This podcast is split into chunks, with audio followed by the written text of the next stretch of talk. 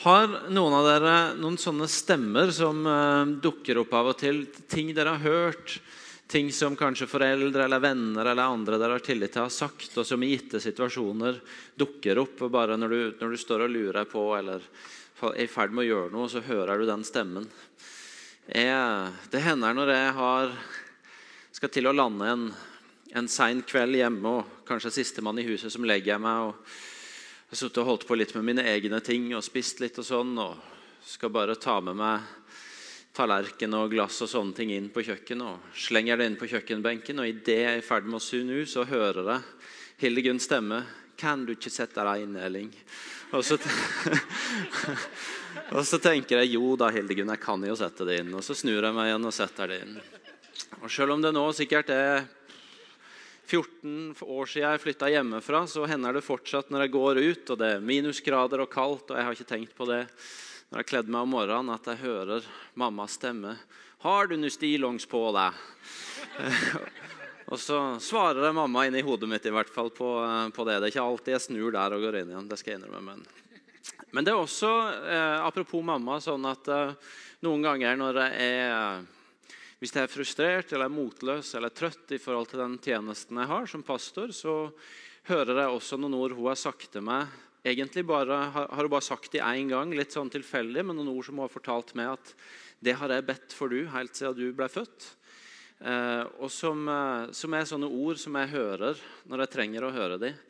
Eh, og trenger nytt mot for å gå videre i det Gud har kalt meg til å gjøre. Stemmer som en stemme fra min mor som hjelper meg til å holde fast på noe viktig når jeg er litt utfordra. Eh, og sånne stemmer tror jeg mange av oss har. Sånne ting vi har hørt, som vi hører igjen. Noen av det, noe av det jo, kan jo være veldig bra, noe av det trenger ikke være bra. Eh, men ting som vi tar med oss.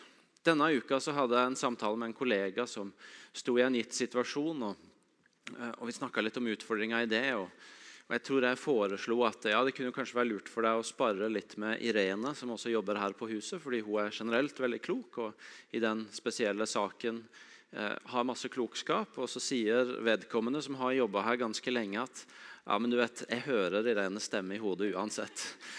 Så jeg trenger nesten ikke snakke med henne. Eh, forrige søndag, så, eh, når Sam talte, så snakka han om når han sto på Starbucks og jobba som barista og ikke var så flink til å multitaske, og det meste ble kaos. Og så hører han bare en gang som en stemme sier 'Jeg liker deg skikkelig godt, Sam. I really like you, Sam.' Og så bare vet han med en gang at mm, det er stemmen til min Gud. Det høres veldig ut som stemmen til min Gud å si noe sånt. I really like you. Stemmer som eh, som lyder over oss i gitte situasjoner. I Johannes 10 så snakker Jesus eh, Det er morsomt det, eh, noen venner av meg som, eh, som, ofte inviterer med seg folk som ikke tror, til kirke og gudstjeneste. Og De vennene hadde vært med en del ganger, og så sa de det er én ting som er litt rart med å gå i kirka, og det er at det er alltid så mye sauesnakk der. Det er hyrder og sauer og alt sånt. Johannes 10 det er et sånt kapittel. Mye sauesnakk. Jesus snakker mye om hyrden og sauene eh, og slikt. Eh, og det det som kommer fram, er at han er hyrden. Eh, og han har noen sauer, han har noen som følger han, som er hans, som han passer på. Og Flere ganger i det kapitlet så snakker han om at et kjennetegn på relasjonen mellom han som hyrde og de som følger han, de som er hans, det er at de kjenner stemmen hans. Han sier det, at, han sier det helt eksplisitt i Johannes 10, 27. Mine sauer hører min stemme. Jeg kjenner dem, og de følger meg. Mine sauer hører min stemme. Jeg kjenner dem, og de følger meg. Det er en sammenheng mellom det å kjenne Jesus, det å følge han, og det å høre stemmen hans. Det å kunne høre ordet hans inn i våre liv og over våre liv i forskjellige situasjoner. I Apostlenes gjerninger 2 så beskrives den, den, episoden eller hendelsen som vi, gjerne, som vi kaller for pinsedag, og som vi ofte snakker om og taler over når vi feirer pinse, som er også kalt for starten på kirka. Eh, det punktet hvor etter at Jesus har sagt dere skal være mine vitner, både helt nært her i regionen rundt, men like til verdens ender også. Men før dere begynner på det oppdraget, så må dere vente til dere har fått Den hellige ånd. Og Så kommer denne hendelsen hvor Den hellige ånd blir utøst, hvor Den hellige ånd blir gitt til folk som følger han. Og det blir startskuddet for kirka, som vi fortsatt er en del av ganske mange mange år seinere. Og Der står det altså fra starten av Da pinsedagen kom, var alle samlet på ett sted. Plutselig lød det fra himmelen som når en kraftig vind blåser, og lyden fylte hele huset hvor de satt. Tunger som av ild viste seg for dem, delte seg og satte seg på hver enkelt av dem. Da ble de alle fylt av Den hellige ånd, og de begynte å tale på andre språk ettersom ånden ga dem å forkynne. I Jerusalem bodde det fromme jøder fra alle folkeslag under himmelen. En stor folkemengde stimlet sammen da de hørte denne lyden, og det ble stor forvirring, for hver enkelt hørte sitt eget morsmål bli talt. Forskrekket og forundret spurte de, er det ikke galileere, alle disse som taler? Hvordan kan da hver enkelt av oss høre sitt eget morsmål?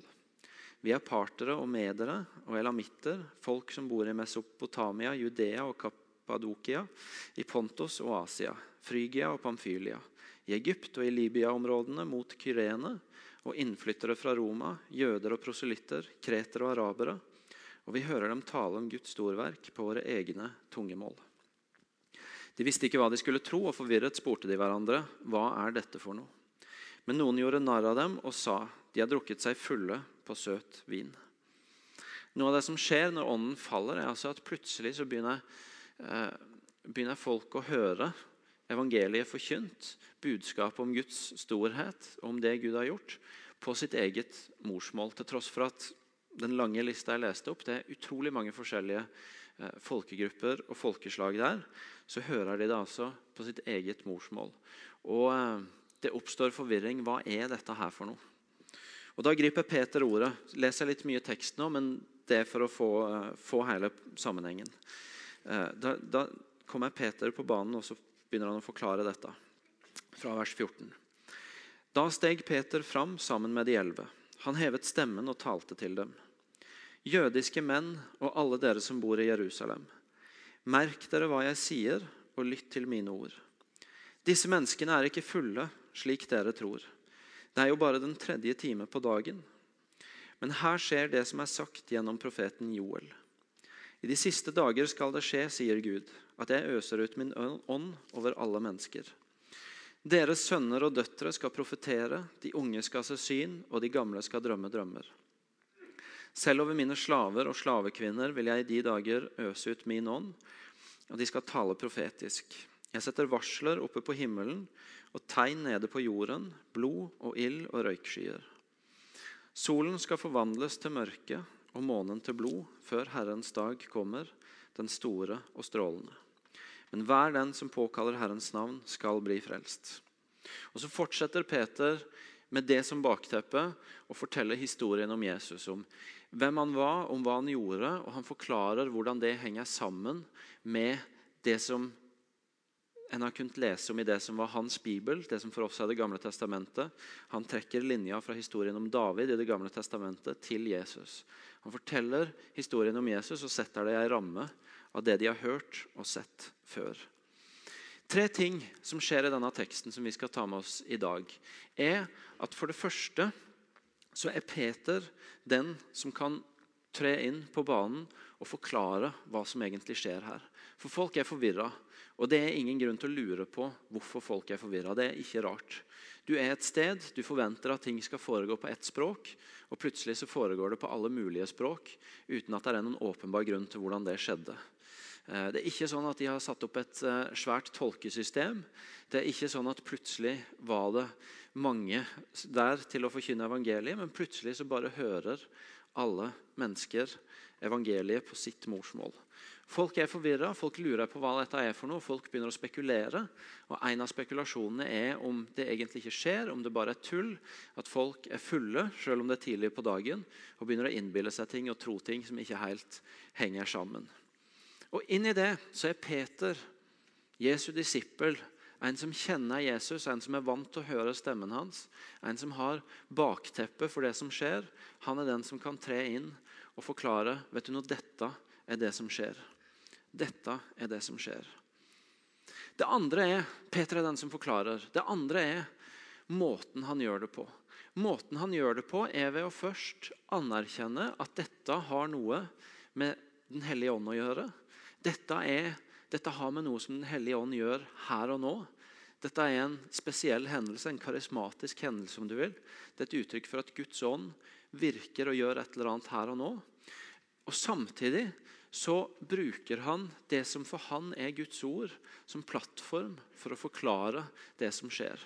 For det første så peker han tilbake til en gammel profeti og så sier han det som han sa for flere hundre år siden, er det som forklarer det som skjer nå. Og Det vi her skal lære om, det handler om Jesus. og Måten han forklarer hvem Jesus er på, er også ved å knytte tilbake til det som skjedde med David for mange hundre år siden. Henger sammen med det som skjer nå. Så På den ene sida anerkjenner David at nå gjør Gud noe her og nå. Hans ånd gjør noe her og nå. Og Samtidig så bruker han Guds ord som en plattform for å forklare hva det er for noe. Han knytter an til en gammel profeti. Han knytter an til historien om David, som var vel kjent for veldig mange når folk skal forstå Jesus. Med andre ord både ånden og ordet som et utgangspunkt. Og Så er budskapet hans veldig relevant for oss. Han, nemlig, han, knytter nemlig an det som skjer, til en profeti fra en profet i Det gamle testamentet som heter Joel, som har sagt at i de siste dager så skal det skje at jeg øser ut min ånd over alle mennesker. Deres sønner og døtre skal profetere, de unge skal se syn, og de gamle skal drømme drømmer. Selv over mine slaver og slavekvinner vil jeg i de dager øse ut min ånd, og de skal tale profetisk. Inn til mennesker som til nå har vært vant til å tenke at det å møte Gud, det å høre fra Gud, det å ha noe å si fra Gud, det er forbeholdt noen veldig få som har en bestemt tjeneste. Så sier Peter at det dette betyr, er at nå trer en helt ny tidsalder inn, hvor alle mennesker har mulighet til å høre Guds stemme. Hvor alle mennesker har mulighet til å høre den stemmen Jesus snakka om i Johannes 10. Den stemmen når hyrden snakker til sine, de som følger han og kjenner han. Det er ikke lenger for noen få som må gi det videre til resten, men den stemme som alle kan høre. Og Han sier selv over mine slaver og slavekvinner vil jeg i disse dager øse ut min ånd, og de skal tale profetisk. Som kanskje for oss som bare har levd i den tida hvor Gud kan tale til alle, og hvor veien til Gud er åpen for alle som kjenner Jesus og følger Jesus, så er det kanskje litt sånn at vi tenker mer at nei, selvfølgelig er dette også tilgjengelig for de svakeste. Mens inni den settinga Peter sier dette, så er nettopp det at han velger å si at sjøl de som ingen holder for mye verdt, slaver og slavekvinner, sjøl de har tilgang til å høre Guds stemme. Til å høre denne stemmen som Jesus snakka om i Johannes 10, om at de som kjenner han, de kan også høre stemmen hans. Med andre ord, Peter når han skal forklare denne hendelsen, gir et budskap om at Guds stemme er tilgjengelig for alle som kjenner og følger han. Siste, Vi skal ha med oss tre tekster i dag. og Den siste er fra Ordspråkene, eh, kapittel 2. Når vi har gjort det, så skal vi trekke det sammen til en, noe som henger sammen. Eh, ordspråkene 2, kapittel 2, fra starten av der. Mine sønn, mine sønn, min sønn, om du tar imot mine ord og gjemmer budene mine hos deg, så ditt øre lytter til visdom, og du åpner hjertet for forstand. Ja, om du kaller på innsikt og roper høyt etter forstand, om du søker etter den som etter skjøll, leter som etter en skatt, da skal du lære å frykte Herren, finne ut hva det er å kjenne Gud. For det er Herren som gir visdom, kunnskap og forstand, går ut fra hans munn. Han samler opp klokskap til det rettskaffende, er et skjold for den som er hel i sin ferd. Han verner rettens stier og vokter veien hans trofaste går.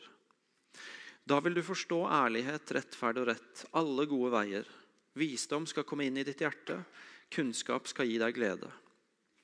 Omtanke skal vokte deg, forstand bevare deg og berge deg fra de ondes vei, fra dem som taler svikefullt, fra dem som forlater de rette stiene og vandrer på mørke veier.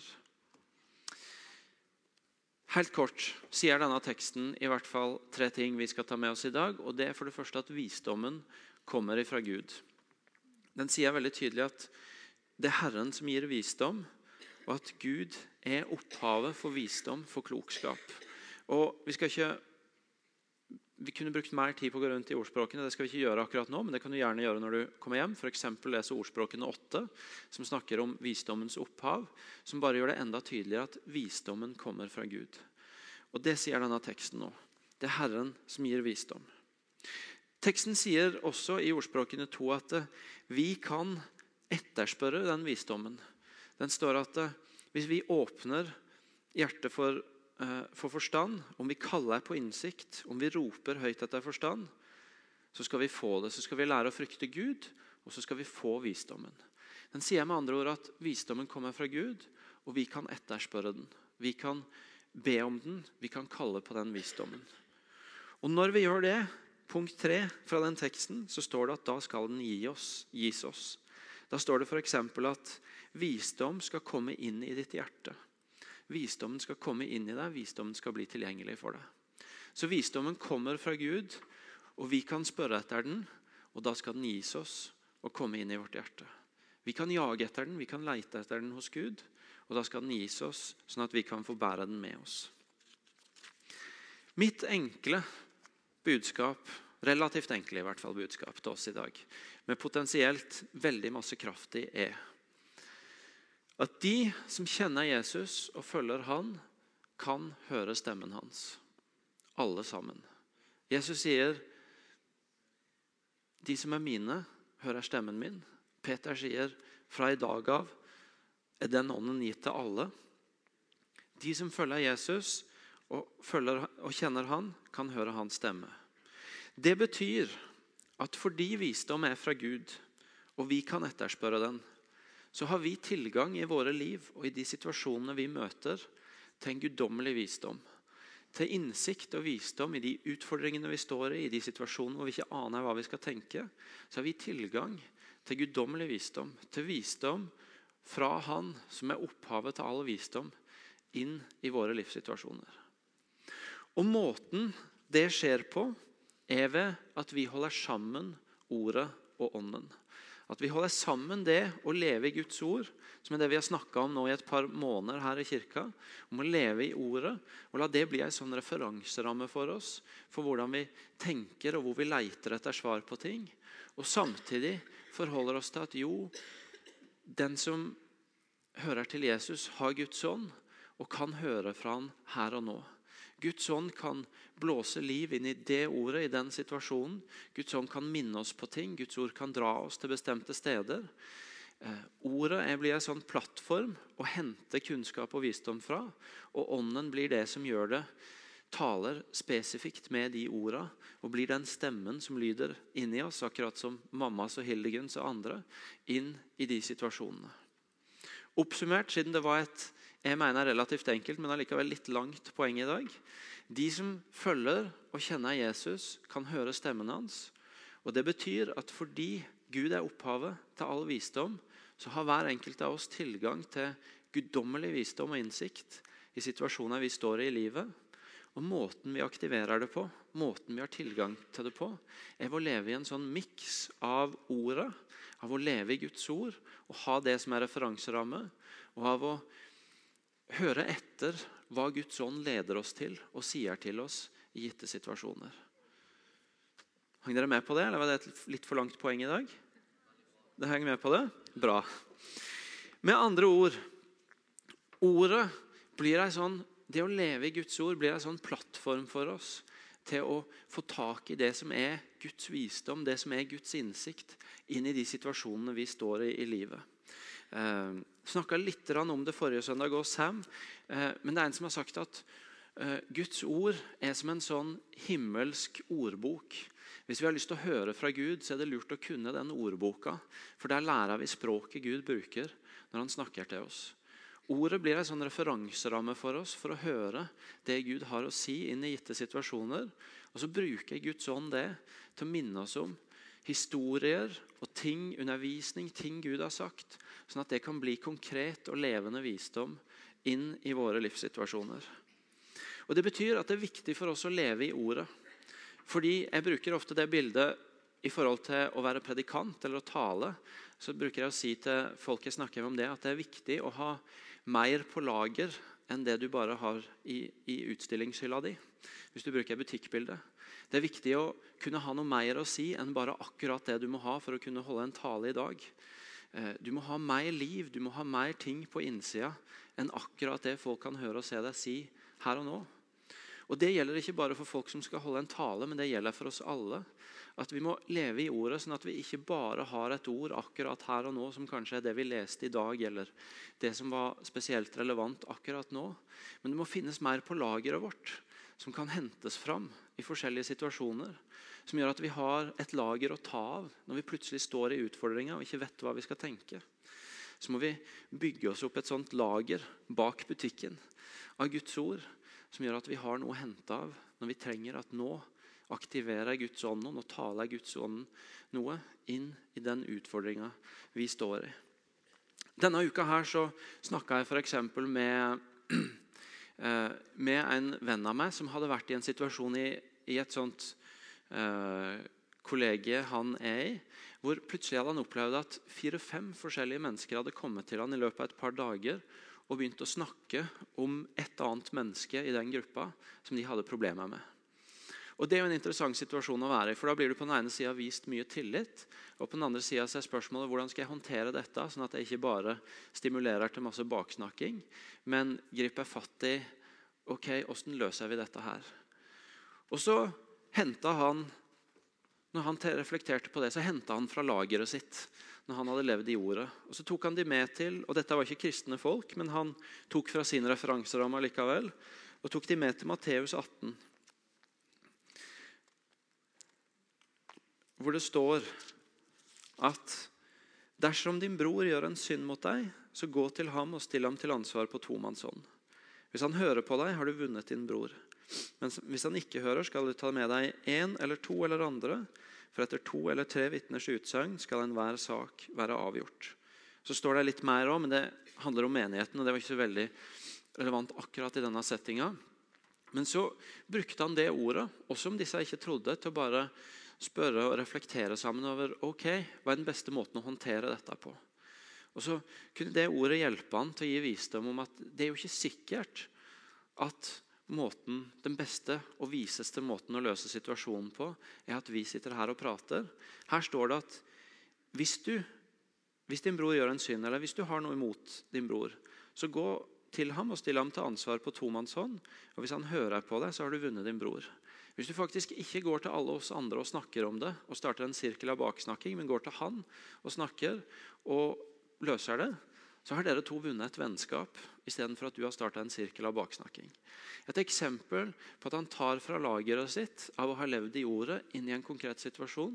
Og så hjelper han noen til å opptre mye visere og lurere enn det de ellers kanskje hadde gjort. En annen samtale jeg hadde denne uka um, Jeg skal ikke si navn, fordi jeg har ikke spurt, og vedkommende er her. Ikke at jeg burde sagt det hvis vedkommende ikke var her, men jeg skal i hvert fall ikke ja. um, Men jeg hadde en samtale med et menneske som fortalte om, brukte mye tid med en del andre mennesker. og Det tror jeg var folk som ikke, ikke så mange av de fulgte Jesus.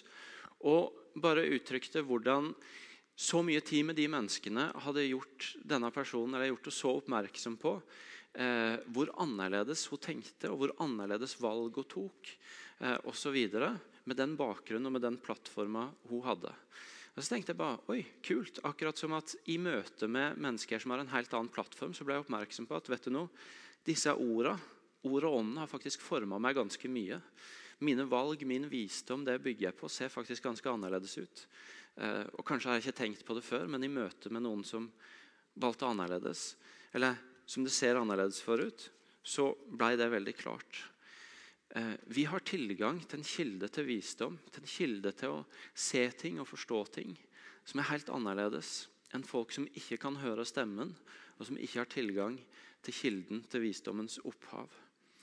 Eh, bare for å liksom slå døra helt inn etter å ha gitt dere mange bibelvers på det, så kan vi slå opp også siste bibelvers i dag, i Jakob 1,5, som sier Om noen blant dere mangler visdom, så skal han be til Gud, som villig og uten å bebreide gir til alle, og han skal få. Om noen blant dere mangler visdom, skal han be til Gud, som villig og uten å bebreide gir til alle, og han skal få. Jeg tror Som kirke og kristne får vi veldig lett ordet på oss for å være i hvert fall Når vi er på godfoten, så får vi ordet på oss for å være flinke til å lytte. Og flinke til å gå der med folk i krevende situasjoner. Og Det er kjempebra. Og det er eh, tror jeg, en bibelsk verdi som handler om tjenerskap. Og Bibelen sier også noe om å, eh, om å være god til å lytte og ikke så snart å tale alltid. Eh, likevel så tenker jeg det er meninga at vi skal ha en stemme også. Det er ikke meninga at kirka bare skal være ørene som er flinke til å lytte til folk som trenger å tømme ut sine frustrasjoner. Men det er også meninga at kirka skal få være stemmen som har visdom å gi inn i vanskelige situasjoner. Som har gode ord inn å gi der andre står fast og ikke helt vet hva de skal velge. Fordi vi har kilden til visdommens opphav, og alle som kjenner og følger Han, har mulighet til å høre den visdommen. Um, og Det betyr at vi også kan være mennesker som bringer visdom inn i menneskers liv, inn i situasjoner, inn i ting vi står i. Og Jeg, jeg kjenner jeg drømmer om det og lengter etter det. Etter ei kirke som, som, er kjent for å ha kloke ord inn å si i mange forskjellige situasjoner. Jeg synes Det er spennende at vi får lov til å være med i Kambodsja, som er et land som tidligere styresett systematisk har utrydda kunnskap og visdom hos folk fordi det var truende.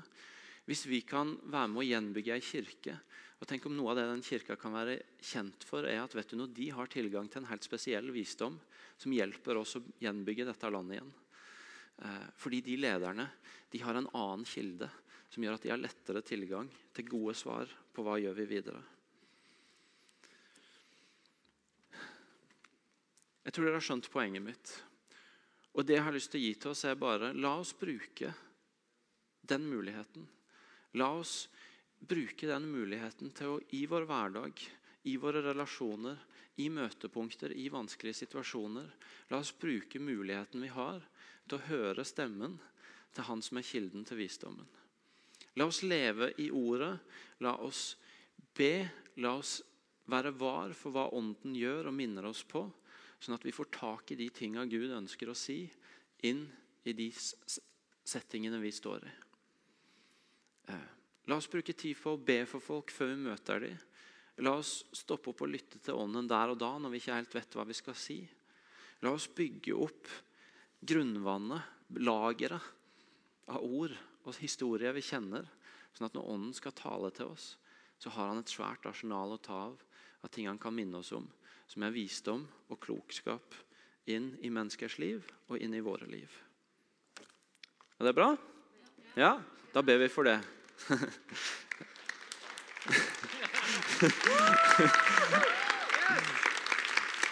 Vi kan reise oss, skal vi be. Det er ikke så viktig for meg at dere klapper for meg, men jeg synes det er bra at dere gjør det skikkelig. hvis dere først gjør Det Det, det gjorde dere til slutt. Kjære Jesus, jeg takker deg for at vi kan få kjenne deg og høre stemmen din. Jeg takker deg for at eh, vi får lov til å vite at vi er dine og at du sier at du kjenner oss, og du vil snakke til oss. Jeg takker deg, Hellige Ånd, for at du har åpna opp den veien for oss alle. For at nå kan sjøl de av oss som føler oss ofte dumme og lite kloke og ikke har peiling på hva vi skal si, nå kan også vi høre din visdom inn i alle livssituasjoner. Jeg takker deg for at i ditt rike så måles det faktisk ikke på menneskelig visdom, men på den visdommen du gir. Og så takker jeg deg for at du bruker all slags visdom. Du bruker alt det vi har lært, og all den kompetansen vi har bygd opp. Og du bruker den guddommelige, overnaturlige visdommen som vi bare kan hente fra du. Og så lar du de tinga virke sammen, sånn at vi kan få være en annerledes stemme inn i denne verden, inn i vennskapene våre, inn i eh, jobbmiljøene våre, inn i familiene våre. Og Nå ber vi deg bare om å utøse en sånn åpenbaringsånd og en visdomsånd over alle som er i denne salen i kveld.